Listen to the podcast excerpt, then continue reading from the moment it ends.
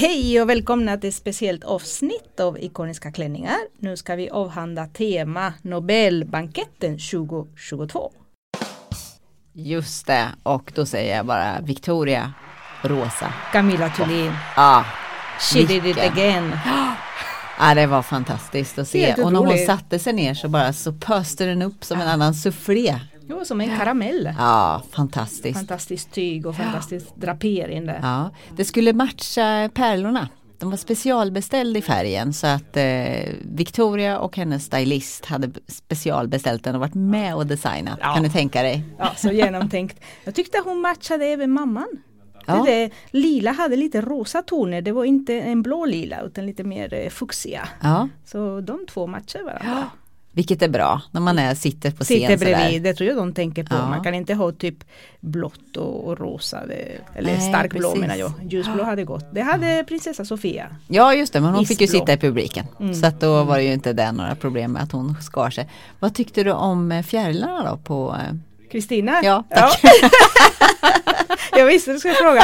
Jag tyckte det var den mest misslyckade Ja. eh, klänningen på, på hela banketten. Eller ja, de jag såg, det är många som man inte ser naturligtvis. Jag tyckte det var faktiskt fasansfull. Jaså, ja. ja. Jag trodde det var stjärnor först. Jag bara sa till mina barn, åh nu är det stjärnor, det är jul. Och sen bara, nej vänta, det var ju fjärilar. Jag tänker, fjärilar för mig det är liksom död. Alltså, Mhm. sym- speciell symbol. Det är ju lite så här, ett, ett nytt liv, puppa. Alltså, ja. Jag tänker våren, sommar, men, Ja. men det var inte det som störde mig att det var fjärilar utan det kändes väldigt alldaglig klänning. Mm. Det kändes inte tillräckligt festligt. Nej. nej, men det var väl bara en eh, kaftan. Ja, hade, ja, hade, hon, jag säga, ha- hade hon något under? Det hade hon ju. Ja, men det hoppas vi! vi tittade aldrig under kaftanen på henne. Om vi hade fått. Men eh, ametisterna fick komma ut. Mm. På drottning Silvia, Ja, de här ja, lila. De, ja. eh, Och hon hade en väldigt vacker form där, det var Ja. liksom alldeles runt. Så Mm. den njöt jag av, det är Mm. så bra när de luftar de här gamla Ja. kronjuvelerna. Sen tycker jag favoriten var inte kunglig, eller ja, litterär kunglig, eh, Annie Ernaux.